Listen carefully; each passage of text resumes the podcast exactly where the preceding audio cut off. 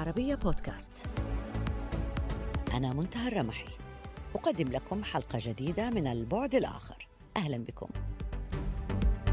من مرتفعات لاداخ شمال الهند إلى مضيق مياكو في جنوب اليابان توترات عسكرية بين كتلة غربية تقودها الولايات المتحدة الأمريكية وجمهورية الصين الشعبية. كان هذا الصدام بين الولايات المتحدة والصين وتايوان في قلبها أبرز محاور رواية الاستشراف بابل الدقيقة الصفر في إسرائيل قرأت الرواية من قبل الجميع ولا سيما من قبل كل رؤساء الدول والحكومات أو رؤساء الدولة والحكومات وتتناول الدور الجديد لتقنيات المعلومات في الصراع بين الدول. فتيقظ أمريكا للصين ليس حديثا ظهر للعلن خريف عام 2011 بعد أن تم التنبه له اعتبارا من نهاية التسعينيات من قبل بعض الأعضاء الذين سيكونون لاحقا مؤثرين في إدارة جورج بوش الابن بل وتأسس عليها مشروع القرن الأمريكي الجديد. اليوم الصين هي بالفعل قوة تكنولوجية عظمى فلديها أكبر قاعدة لمستخدمي الإنترنت في العالم مع أكثر من مليار مستخدم. عام 2021 أي ثلاثة أضعاف مثيلتها في الولايات المتحدة. 40% من سكانها يمارسون التجارة الإلكترونية وعبر عروض فيديو حية تتفوق على نظيرتها الأمريكية في معدات الاتصالات السلكية واللاسلكية بثلاثة أضعاف ونصف. أما الطائرات التجارية بدون طيار فعشرون ضعف حجم المبيعات الأمريكية. في عام 2020 كان لديها نفس كميات الروبوتات الصناعية التي تملكها الولايات المتحدة واليابان وألمانيا وكوريا الجنوبية مجتمعة وهذا العام تجاوزت أيضا الولايات المتحدة في عدد المقالات البحثية المنشورة والاستشهاد بها في مجال الذكاء الاصطناعي. المحلل الرئيسي في مركز جورج تاون للأمن والتكنولوجيا الناشئة ويليام هانس هو ضيفي لهذه الحلقة أرحب به معكم أهلا بك معنا سيد هانس. يسرني أن أكون معكم. وفقا لمقالات الخبراء فإن 80% مما يحتاجه رئيس الولايات المتحدة أو رئيس أركان الجيش الأمريكي لاتخاذ قرار جاد يأتي من مصادر مفتوحة كيف هذا؟ Um, رقم 80% عادة ما أسمعه 85% وهذا من آه، المصادر الاستخباراتية الأمريكية والصينية فهي موثوقة. وحتى قبل الإنترنت أو التواصل الاجتماعي وانفجار المعلومات بشكل عام ونفس الأرقام ذكرت حينها. وإذا ما فكرنا بالأمر فالمسألة منطقية. فمن أكثر من له دافع لعثور المعلومات الموظف الحكومي الذي يتلقى مرتبه مهما عمل شهريا أو المراسل الصحفي الذي تعتمد حياته على العثور على المعلومات والأنباء الموثوقة. إيه بس كيف يمكن أن يثق صانعو القرار في استخبارات المصادر أن يثقوا بالمصادر المفتوحة حتى في الشيء أشد الظروف قسوة؟ السؤال وجيه ولكن يحق أن أطرح نفس السؤال على المعلومات السرية. المعلومات السرية أو الاستخبارات هي نفس الكلمة بالصينية لديهم كلمة واحدة أو هي محفوفة بالكثير من المشاكل من ضمنها ضعف السياق وال المعلومات المضللة والإبلاغ الدائري وحتى الخداع شاهدت حالات حيث بعض العملاء يبيعون معلومات يدعون أنها سرية ولكنهم في الحقيقة حصلوا عليها مكتوبة في مقالات صحفية كتبت بلغة لا يستطيع الضابط قراءتها أو يفهمها.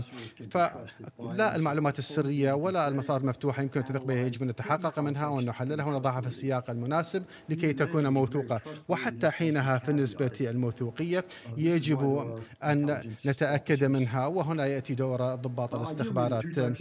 وهنالك نوعا من المعلومات المفتوحة والسرية وكلها ما يدعم الآخر. و المصادر المفتوحة تؤكد المعلومات السرية حسب الجهات الاستخباراتية ولكن العلاقة في الحقيقة هي بالعكس فهنالك تقارير قائمة بالكامل على معلومات مفتوحة وتضاف إليها المعلومات السرية فقط أو مجرد للإضافة لكي تؤخذ بجدية. طيب يعني ركز لي مرة أخرى وأكد لي على نوعية هذه المصادر المفتوحة حسب تجربتك. وأي هذه المصادر يمكن أن نقول بأنه أكثر أهمية من حيث توفير كمية المعلومات ومن حيث دقتها. بإمكان استخدام كلمة المصادر المفتوحة والمصطلح الدارج الآن هو المعلومات المتاحة للعامة ولكن هذا المصطلح يعطينا مفهوما عن طبيعتها أستطيع أن أذكر لك قائمة طويلة من المصادر ولكن من الأبسط أن نفكر في الأمر على أنه المصادر المفتوحة هي المعلومات أما المتاحة قانونيا ومجانا أو فقط مجانا وحسب مجالي والذي هو من اختصاصي آه، وهو العلوم التكنولوجية فنسبة 85% قد تصل إلى 100% أي العمليات الاستخباراتية جمع المعلومات العلمية والتكنولوجية. والعلماء حول العالم يسرهم التحدث عن أعمالهم وإنجازاتهم ومن هنا نجمع هذه المعلومات. وحتى الوكالات الممولة أيضا تعلن المنح ولمن تمنحها. وهذه أيضا مصدر جيد لل المعلومات الاستخباراتية لجمع المعلومات العلمية والتكنولوجية ويسمى STI لا أريد أن اعطي انطباع بأن المصادر المفتوحه سهلة. هي في الحقيقة صعبة لأن المصادر تجف إذا لم تستخدم بحذر كما أن الكمية في حد ذاتها تجعلها مخيفة. وعادة المصادر تكون بلغات أجنبية. وعلينا نتعامل مع المصادر المفتوحه بنفس المهارات والسلوكيات التي يستخدمها الجامعون والمحللون للمعلومات السرية؟ وفي الختام هي نفس المهنة ونفس المنهجيات. طيب في أحد كتبك حددت الصين باعتبارها الدولة الأكثر تاثيرا في هذا المجال. لو تشرح لي أكثر عن هذا الموضوع. مرة أخرى. أنا أتحدث عن العلوم والتكنولوجيا ولا أريد أن أخوض في المجالات الأخرى المصادر الأخرى فقط العلوم والتكنولوجيا.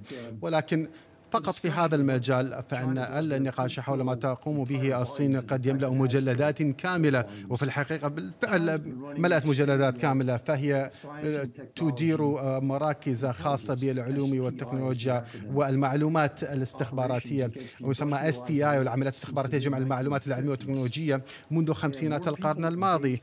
وعدد أكبر يعملون في هذا المجال. وهذه العمليات أكثر من القوى العاملة لكافة الوكالات الاستخبارية في العالم. العالم مجتمعة إلى هذه الدرجة تأخذ الصين هذه المسألة بجدية. ولكن الفارق الأساسي بين عمليات الصين ال STI أو مثلا الولايات المتحدة إلى جانب الأرقام غير المتكافئة هي أن الولايات المتحدة تقوم بهذه العمليات لمراقبة التهديدات التكنولوجية. نحن نحصل على المعلومات ولا نمررها إلى الشركات. هذا الجدل سبق وأن حصل وهذا ليس بالشيء الذي نقوم به ولا نرغب أن نقوم به. أما الصين فتدير برامج مدعومة من قبل الدولة لتعاقب التكنولوجيا الأجنبية. والعلامات الاستخباراتية جمع المعلومات هي جزء أساسي من البرامج التي تديرها. إيه هل لكن هل كل الأساليب الصينية يمكننا أن نقول أنها مثيرة للجدل أو غير قانونية مثل قرصنة والسرقة وغيرها؟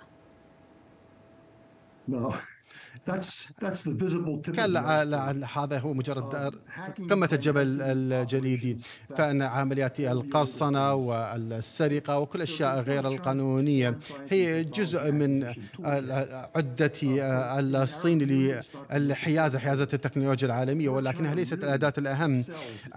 المجال الذي تتميز فيه الصين هي الحيازات في المنطقة الرمادية وهي الحوالات المالية غير الخاضعة للرقابة. وقانونيتها غير معروفة. آه، تعرفنا على أكثر من 12 فئة من هذا القبيل. آه، مثلا العمليات أو الحوالات غير الأخلاقية سواء عن طريق الرشاوى أو البرامج الدولية سيئة السمعة والمشاريع التعاونية وحادية الجانب وكذلك استغلال الصين للمهجرين أو جاليات المهجرة. ف ملأنا كتبا بهذه المعلومات كتاب مثل هذا. الصين هل تستهدف الولايات المتحدة الأمريكية فقط ولا في دول أخرى أيضا تستهدفها الصين؟ الصين تستهدف كافة الدول المتقدمة من أجل تكنولوجيا شاهدت حالات تخسر الصين إمكانية الوصول إلى تكنولوجيا في دولة مثلا الولايات المتحدة وبعد ذلك تبدأ ب التعويض في دول أخرى. ولكن يجب أن نكون منصفين فإن نقل التكنولوجيا سواء القانوني أو غير الأخلاقي هذه ممارسة عالمية والكل يقوم بذلك. أما الصين فهي تفعل ذلك أكثر من غيرها وأفضل من غيرها أيضا. إيه بس كيف بتم تحويل التكنولوجيا المستوردة؟ إذا كانت مستوردة أو مسروقة حتى إلى منتجات في الصين هذا هو السؤال. هذا سؤال وجيه والمحللون الاستخباراتيون آه، آه، بحثوا فيه كثيرا ويبدو أن الصين لديها شبكة آه، فيها حوالي 900 منتجعات تكنولوجية مدعومة من قبل الدولة لديهم أسماء مختلفة لهذه المجمعات والأرقام ربما أكثر من 900 الآن ولكنها موجودة فقط لاستغلال هذه التكنولوجيا على الصعيد التجاري أو حتى لتحويلها إلى أسلحة واستخدامها كأسلحة وهذه مجمعات أحجام مختلفة تماما آه، من مباني فيها عدة طوابق أو حتى أماكن فيها عدد صغير من الأشخاص وهنا تأتي عملية تحويل هذه التكنولوجيا إلى المجال التجاري بس وين بيكمن الخطر أكثر؟ في الجانب العسكري ولا في الجانب التجاري أو الجانب الخدماتي؟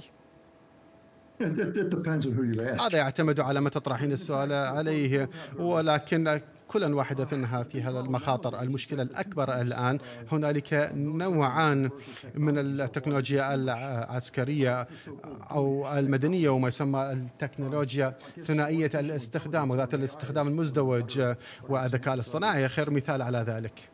إذا ناقشنا نتيجة لأبحاثك حول التطورات الصينية في مجال الذكاء الاصطناعي تحديدا. لوين ممكن أن نتجه؟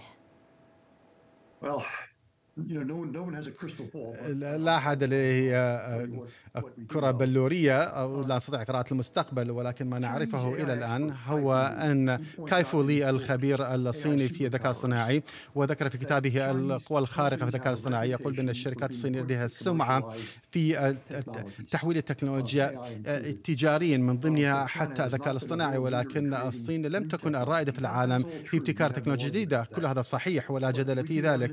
ولكن هنالك أدلة في كتابنا سأريكم إياه وهو القوى الصينية والذكاء الاصطناعي. وأن هذا النموذج بدأ يتغير. شاهدت منشورات علمية ومؤتمرات علمية وأبحاث لمختبرات الذكاء الصناعي مملوكة للدولة أو خاصة الصين تحقق تقدما كبيرا في مجالات متقدم الذكاء الاصطناعي لمعالجة المشاكل في هذا المجال باستخدام الأساليب الإبداعية التي لا تتبع الممارسات المعمولة بها خلصت إلى أن الصين تنتهج استراتيجية وطنية لقيادة العالم في مجال الذكاء الاصطناعي بحلول عام 2030 وهذا كان يعني في في أحد في واحد من دراسات التي نشرت عنك ما هي ميزات هذا المشروع الصيني؟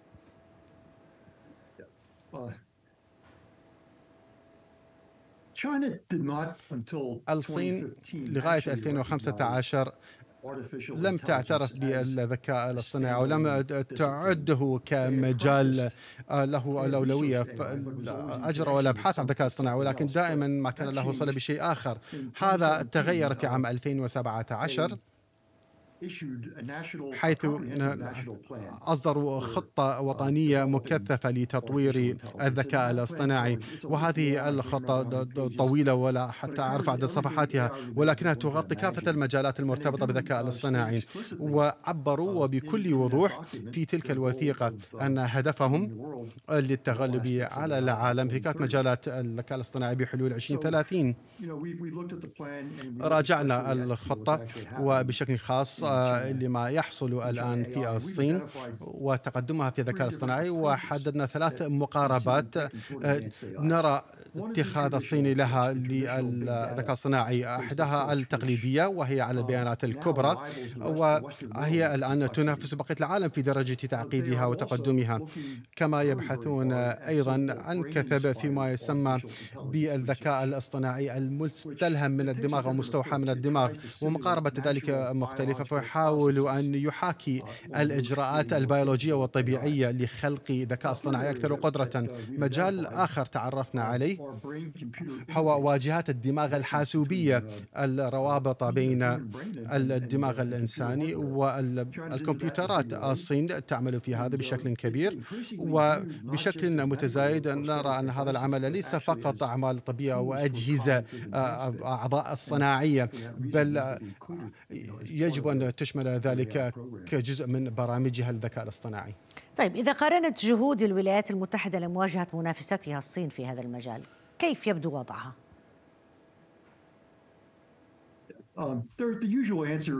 الإجابة التقليدية هي أن الولايات المتحدة تقود في الرقاقات والتصنيع والصين متقدمة في توافر البيانات لهم عدد كبير من البيانات وهذا مهم جدا لخوارزميات تعلم الآلة. وكلا البلدان آه، لديهم صناعات قوية ومع تركيز مختلف لكل دولة. أنا شخصيا أعتقد أن الولايات المتحدة وبريطانيا آه، يركزان أكثر من اللازم على حلول البيانات الكبرى. وفيها فوائد تجارية قصيرة الأمد إلى عدا زملائي في المركز يخالفوني الرأي ولكننا نرى أن جوانب هامة من المجموعة التحتية الخاصة بالأبحاث الذكاء الاصطناعي في الصين ترى بين البيانات الكبرى وتعلم الآلة وهذا الذكاء الاصطناعي التقليدي لا مستقبل له ويضعون كثيرا من الموارد أقصد في الصين في التكنولوجيا المستوحاة من الدماغ. طب لماذا لم تعد الولايات المتحدة هي القوة المهيمنة في مجال البحث والتطوير في جميع أنحاء العالم كما كانت؟ لماذا تعتبرها عرضة للمفاجأة التقنية؟ هل اطلعت على الجامعات الأمريكية مؤخرا؟ آه، العلوم الطبيعه والرياضيات فقدت أو فقد الاهتمام بها بشكل كبير. نحن نشتكي من الطلبة الصينيين ونقول إنهم يسرقون التكنولوجيا ولكن يحق لنا أن نقول بأن أدوارهم آه، محصلة أدوارهم إيجابية في الجامعات الأمريكية. المسألة الأخرى هي الغرور الأمريكي. آه، وهذه المشكلة تواجه الأمم التي اعتلت القمة لفترة طويلة جدا. مثال شخصي مثلا تقدمت لمنحة منذ فترة لدراسة البرامجيات لمعالجة اللغات الطبيعية ورفضت المنحة لأن الوكالة الحكومية الأمريكية أدعت أنها تعرف كل ما هنالك وكل ما هو ضروري حول التكنولوجيا المفتوحة. وهذه هي العقلية التي تؤثر علينا بشكل سلبي هنا. ما الذي يعيق قدرة الولايات المتحدة على مراقبة الذكاء الاصطناعي والتطورات الأخرى عالية التقنية في الصين أو في أي مكان آخر في العالم؟ بإيجاز أمران نفس الغرور الذي وصفته قبل قليل. نحن نعتقد بأننا متقدمون جدا وليس من الضروري أن نبذل جهد أو نستثمر. والسبب الآخر وأنا لا أتحدث عن الولايات المتحدة بل الاستخبارات الغربية بشكل عام كلها منحازة تجاه المعلومات السرية ويجمعون المعلومات مصادر المفتوحة ويحللونها ولكن هي أقل نسبيا ولا يأخذونها على نفس الجدية كما يأخذون المعلومات السرية. وبالتالي أو نتيجة لذلك فهناك ميزانيات أقل وإرادة أضعف لوضع البرامج الخاصة بمراقبة المصادر المفتوحة للتكنولوجيا الأجنبية هذا شيء لم يفعلوه من قبل. إيه لكن كيف يمكن الموازنة بين نقل التكنولوجيا المتعلقة بالأمن القومي والتبادل الحر وقوانين التجارة الدولية؟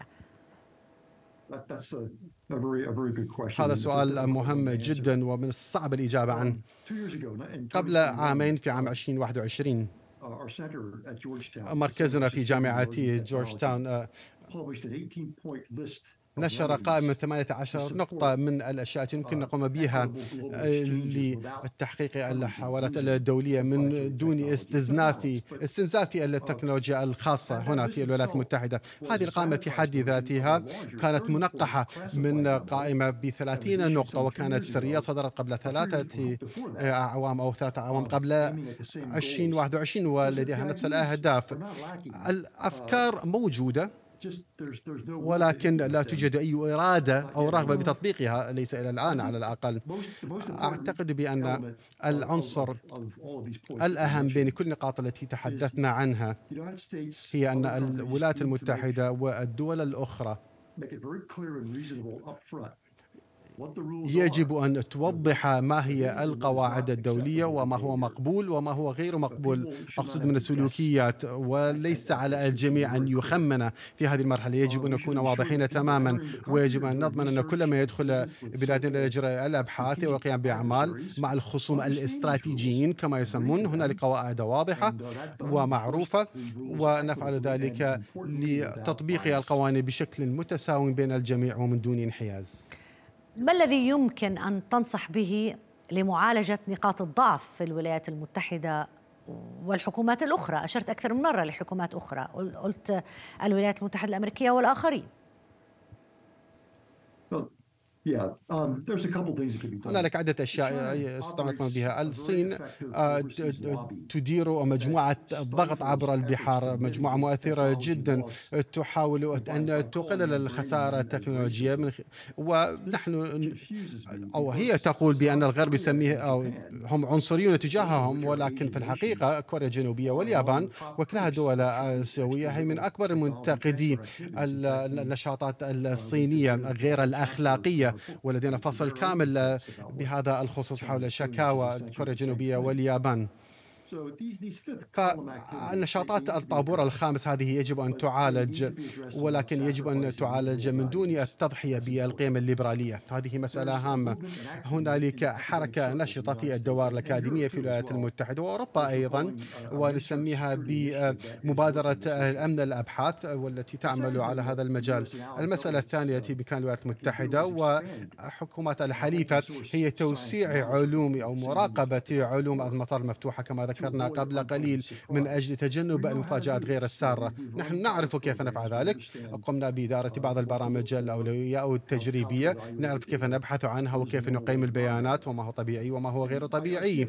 وأنا أرى بعض البدايات الواعدة هنا وهناك في أمريكا وفي بريطانيا ولكننا لا زلنا بعيدون جدا عن المستوى الذي يجب أن نصل إليه. وفيما يخص معالجة نقاط الضعف أعتقد بأن التوصية الأخيرة هي واضحة جدا وهي أن الولايات المتحدة عليها أن تعيد الاستثمار في البنى التحتية التكنولوجية والعلمية وأن تبدأ برعاية المواهب العلمية بحق محاولة التمسك بجزء صغير من هذه الكعكة لن يصلنا إلى مكان مرغوب فيه المحلل الرئيس في مركز جورج تاون للأمن والتكنولوجيا الناشئة ويليام هاناس شكرا جزيلا لك على المشاركة معنا ألف شكر Thank you. My pleasure. وإلى هنا مشاهدينا الكرام انتهت حلقة اليوم من البعد الآخر يمكنكم دائما متابعتنا على مواقع التواصل الاجتماعي تويتر فيسبوك ويوتيوب إلى اللقاء